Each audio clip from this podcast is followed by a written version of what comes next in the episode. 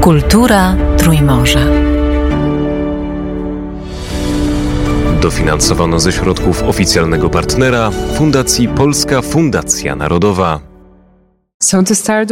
Więc na początek, w jakich czasach swoje początki miała literatura fińska? Jaka jest pierwsza fińska książka lub tekst napisany w języku fińskim? Stało się to jeszcze w XIX wieku, kiedy Finlandia była częścią Rosji.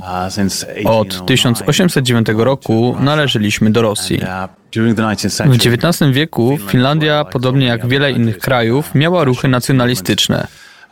Obejmował on również ruch na rzecz języka fińskiego. Wielu ludzi z inteligencji lub klas wykształconych tak naprawdę nie mówiło po fińsku. Oni mówili po szwedzku. Ponadto wielu z nich mówiło bardziej po łacinie, po niemiecku, po rosyjsku niż po fińsku. Język fiński był tak naprawdę językiem ludu. Ale nagle nastąpił ogromny narodowy boom na to, abyśmy mogli również posługiwać się językiem fińskim. I prawdopodobnie najbardziej znanym w Finlandii wśród pisarzy był prozaik narodowy Aleksis Kivi. Był on postacią dość tragiczną.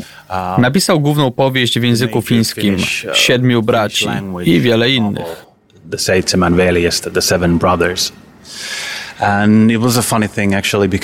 I to była zabawna rzecz, ponieważ wszyscy ludzie mieli szlachetne idee i chcieli podnieść fiński naród i język fiński do rangi literatury światowej. Jednak ta pierwsza książka Siedmiu Braci w niczym nie przypominała tego, czego chcieli, ponieważ była o siedmiu chłopcach z prowincji, którzy z trudem próbowali nauczyć się czytać i było im bardzo ciężko.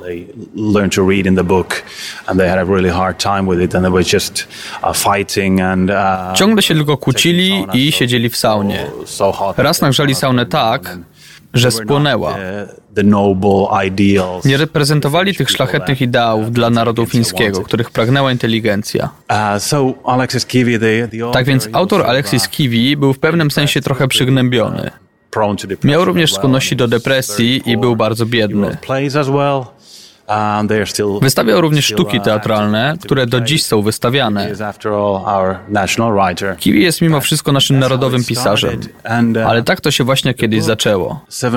A książka Siedmiu Braci została napisana językiem sprzed 150 lat który od tamtego czasu bardzo ewoluował. Zmieniło się słownictwo. Tamten język był tak mocno wiejski, że dzisiejszym dzieciom trudno jest go zrozumieć kids today have a hard time understanding it. I tak naprawdę jeden z teraźniejszych autorów jakoś dwa lata temu napisał współczesną wersję Siedmiu Braci. Brzmi to jak świętokradztwo, żeby zrobić tłumaczenie na współczesny język fiński. Jednak zostało to bardzo dobrze przyjęte, a Siedmiu Braci to w zasadzie początek literatury fińskojęzycznej. The beginning of Finnish, uh, Finnish uh, language uh, literature. Okay, and what is Kalevala? A czym jest Kalevala? Kiedy powstała, dlaczego i w jakim celu? Why and what for? So yeah, this was also part of the, uh, the nationalist um, Kalevala to element boomu nacjonalistycznego XIX wieku. Wszędzie w Europie ludzie zbierali folklor i ludową poezję. Uh, Mieliśmy bajki Grima i tym podobne. Uh, I Finlandia również pomyślała, hej, musimy zebrać naszą własną poezję ludową w książce. I dokonał tego niejaki Elias Lönnrot, interesująca postać. Chodził pieszo po całej Finlandii, głównie wschodniej, a także po tym, co jest częścią dzisiejszej Rosji. Pukał do drzwi ludzi, którzy potrafili śpiewać poezję, bo była to głównie poezja śpiewana. Przeprowadził z nimi wiele rozmów i wywiadów. Zapisywał je, gdy szedł do następnej wsi. Miał specjalny stoliczek zawieszony na brzuchu, żeby móc iść i pisać w tym samym czasie. I tak powstała Kalevala. Zredagował ją z luźnego zbioru różnych wierszy ludowych. Rozpoznał, że są pewne postaci, o których mówią różni poeci w różnych wioskach. O, na przykład to ta sama postać, Wajnemonin i tak dalej. I zredagował to tak, by stworzyć prawie spójną narrację.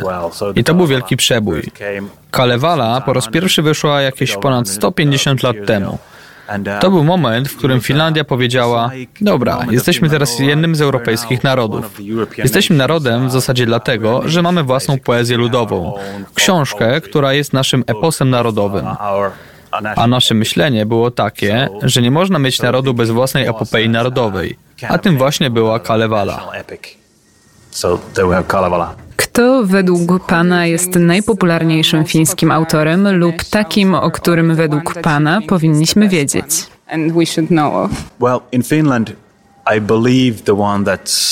Ten, o którym w Finlandii mówi się najwięcej, który jest najczęściej recytowany i cytowany, jest Wainolinna. Wainolinna zaczął pisać po II wojnie światowej. Był w zasadzie pracownikiem fabryki, który miał ambicje pisania dość epickich książek. Napisał na przykład Nieznanego żołnierza o wojnie kontynuacyjnej z Rosją w latach 40., a także Pod Gwiazdą Północy, która jest ogromną, grubą książką o wydarzeniach prowadzących do wojny domowej w Finlandii w 1918 roku, a także po niej. Civil War in Finland 1980 and after that. And he is um, especially the Tuntematon sotilas, the unknown soldier. Nieznany żołnierz jest jedną z tych książek, które wszyscy pisarze chcieliby napisać, ponieważ mnóstwo ludzi zna tę książkę. Na przykład jeśli w kawiarni, w której teraz się znajdujemy, oprócz turystów są Finowie, to z pewnością każdy z nich może wymienić przynajmniej kilka postaci z tej książki. Sporo z nich potrafi wyrecytować kilka linijek. I wszyscy wiedzą, o co chodzi. National Epic. Książka została zekranizowana trzy razy, więc jest to rodzaj współczesnej epopei narodowej o wojnie. Interesujące jest również to, że jest czymś w rodzaju pokrewnego ducha do siedmiu braci, w tym sensie, że początkowo nie był zbyt dobrze przyjęty wśród inteligencji, ponieważ nie pasował do idealnego obrazu szlachetnego fińskiego żołnierza. Przedstawia ona żołnierzy, którzy są jakby skłóceni ze sobą. Bardzo różne rodzaje ludzi z całej Finlandii, którzy mówią brzydkie rzeczy, i sobie żartują ze wszystkich dobrych rzeczy.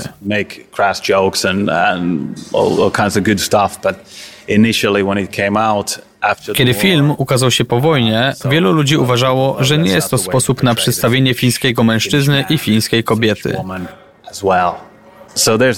Więc tak, to będzie prawdopodobnie Vainolina.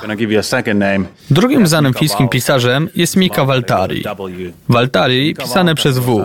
Helsinki.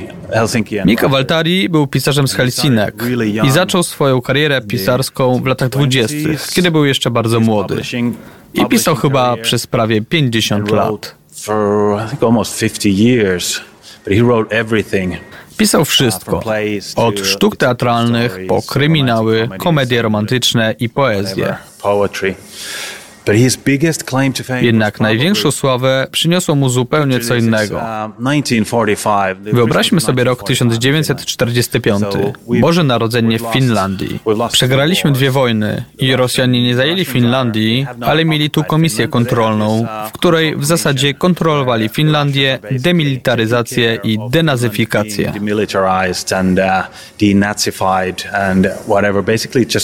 W zasadzie tylko mówili rządowi, co ma robić, żeby nie denerwować Rosji. To był dość posępny czas po wojnie.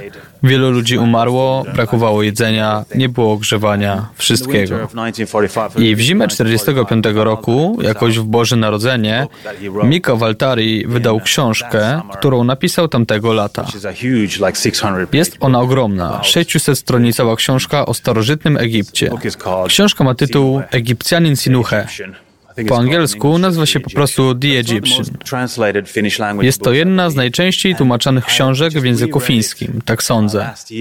Przeczytałem ją ponownie w zeszłym roku i zdałem sobie sprawę, że pisałem o roku 1945 o Finlandii po wojnie. Uświadomiłem sobie wtedy, że kiedy umieści się ją w tym kontekście, to musiało być dokładnie to, czego chciało wtedy społeczeństwo.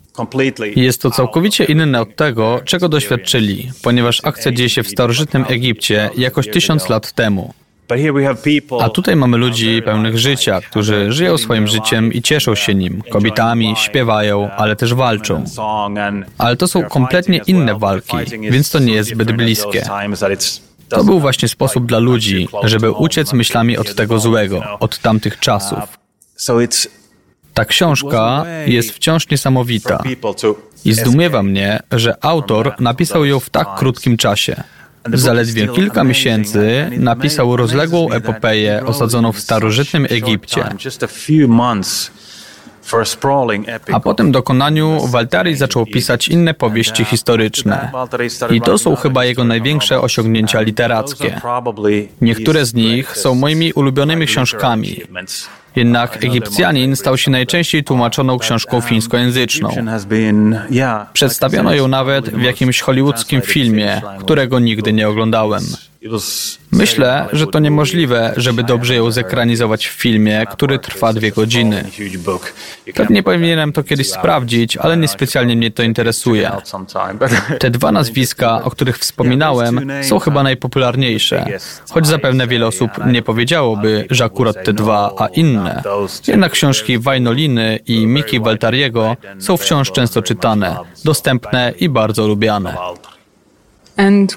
A co z fińską poezją? Czy jest jakiś poeta, który Pana zdaniem zasługuje na światową sławę? Myślę, że w zasadzie są dwaj.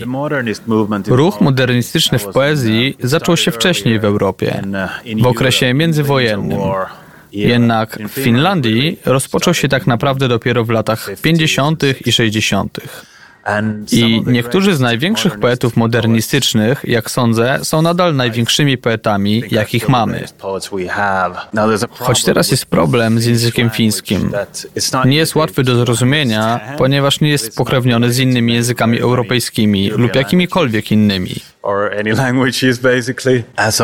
Nie jestem więc pewien, jak szeroko dostępne są tłumaczenia, ale mam nadzieję, że znajdzie Pani tłumaczenia Pawo Hawiko i Pentti Sarikoski. To są moi dwaj ulubieni poeci, ale też inni z największych poetów, którzy są wciąż czytani, mam nadzieję, przynajmniej na tyle, ile ludzie czytają poezję. Obaj byli modernistami, jednak Sarikowski był poetą politycznym, młodym chłopakiem i, cóż, komunistą. Był młodym, idealistycznym intelektualistą. A w tamtych czasach wielu Finów skłaniało się ku socjalizmowi. On ponadto był kimś znacznie więcej, a jego poezja polityczna jest czymś, co nadal kocha, nawet jako niesocjalista. Myślę, że gdyby pisał w jakimś innym, bardziej znanym języku, Pentti Sarikowski prawdopodobnie znalazłby się w tym samym szeregu, co Pablo Neruda i inni poeci polityczni. A ponieważ jego twórczość była modernistyczna, to była nieco bardziej rozdrobniona i trudniejsza do zdobycia. Sarikowski był wielkim poetą politycznym. Natomiast Paweł Hawiko nie był tak bardzo polityczny. To była interesująca postać. W dużej mierze był człowiekiem finansów. Bardzo kręciły go pieniądze. Był szefem finansów w niektórych wydawnictwach, jednak w sercu był prawdziwym mistrzem słowa, prawdziwym poetą. Niektóre z jego wierszy w języku fińskim są tak kultowe, że wciąż są powtarzane w gazetach i tym podobnych. Więc to by były właśnie moje dwie sugestie. Jeżeli nie macie ich tłumaczenia na polski, zapewne są po angielsku. Ale Sarikowski i Hawikko to moi ulubieni poeci. Obaj oczywiście odeszli jakiś czas temu, a z tych, którzy tworzą teraz, to trudno powiedzieć, kto wytrzyma próbę 50 lat. Dlatego zawsze bezpieczniej wymienić tych, którzy już tworzyli przez te 50 lat. A teraz podsumowując część literacką, gdyby pan miał użyć trzech słów, które najlepiej opisują fińską literaturę i kulturę, jakie byłyby to słowa? Jednym z nich byłoby koivuklapi. Koivuklapi to kłody drewna brzozowego, używane do ogrzewania sauny. Są suche i wydają czysty dźwięk, gdy o siebie stukają. I właśnie to słowo często używane jest do opisania fińskiej prozy koiwu klapi proza, ponieważ zdania są zazwyczaj dość krótkie, a opisy są bardziej w stylu Hemingwaya niż Marcela Prusta. To jedna z wielkich tradycji fińskiej prozy. Oczywiście nie wszyscy pisarze. Chyba teraz trochę od tego odchodzimy. W ciągu ostatnich 50 lat mieliśmy poważnych mężczyzn prozaików. Ma to nadal poważny wpływ. Nie da się zaprzeczyć, że te koi wuklapi, zdania jak brzozowe kłody, są rozpoznawalne w języku fińskim. birchwood logs, sentences, and something else Inna rzecz to kansan omainen, czyli ludowy. Literatura fińska, główny wątek fińskiej klasyki, zawsze była od czasów Aleksisa Kiwi do dziś związana ze zwykłym człowiekiem.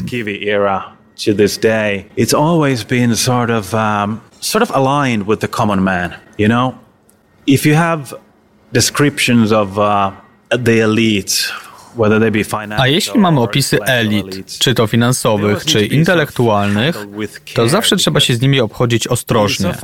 To takie zabawne. Wielką narracją fińskiej literatury zawsze było stanie po stronie zwykłego człowieka. Mam nadzieję, że dam radę to wytłumaczyć po angielsku. Na przykład jeśli weźmiemy coś takiego jak Wojnę i pokój Tolstoja, którą właśnie czytam, to myślę, że nie byłoby możliwe napisanie tego w języku fińskim. Każdy jest jakimś hrabią, baronem czy carem. I oczywiście nie mieliśmy tutaj tego typu szlachty. Jednak zawsze jest jakaś szlachta, elity intelektualne, finansowe, polityczne. To write, to Niemniej jednak pisać i zakładać, że czytelnicy będą w stanie utożsamiać się z tymi ludźmi, to nie do końca sprawdza się w literaturze fińskiej. Byłoby interesujące spróbować. Warto pamiętać, że ludzie są zwykłymi ludźmi. Ale co jeszcze? Myślę, że jest to w pewnym sensie związane z tym, że język fiński jest dość demokratyczny i Finowie są dość demokratyczni, egalitarni, prorównościowi. I to wiąże się z tym drugim tematem. Jednak szczególnie teraz myślę, że istnieje ogromna trudność. Byłoby trudno przedstawić nierówność w jakikolwiek inny niż nieprzychylny sposób. Jesteśmy bardzo małym narodem. Do niedawna było ledwie 5 milionów, teraz jest trochę więcej niż 5 milionów. To niesamowite, że gdy my, Finowie, rozmawiamy ze sobą, to praktycznie zawsze znajdujemy jakichś wspólnych znajomych. Może nie w Laponii, ale tutaj, w dużym regionie Helsinek, czy w południowej części Finlandii. Zawsze słyszy coś w stylu, o, jak miło Cię poznać, skąd jesteś? A znasz tego i tamtego? O, tak, znam bardzo dobrze, tak, tak. Jest nauczycielką moich dzieci i tak dalej. Więc jakby wciąż istnieje ten rodzaj demokratycznej jakości i jest on również w fińskiej literaturze. Mamy jedną niedemokratyczną formę literacką jest ona niedemokratyczna tylko w cudzysłowie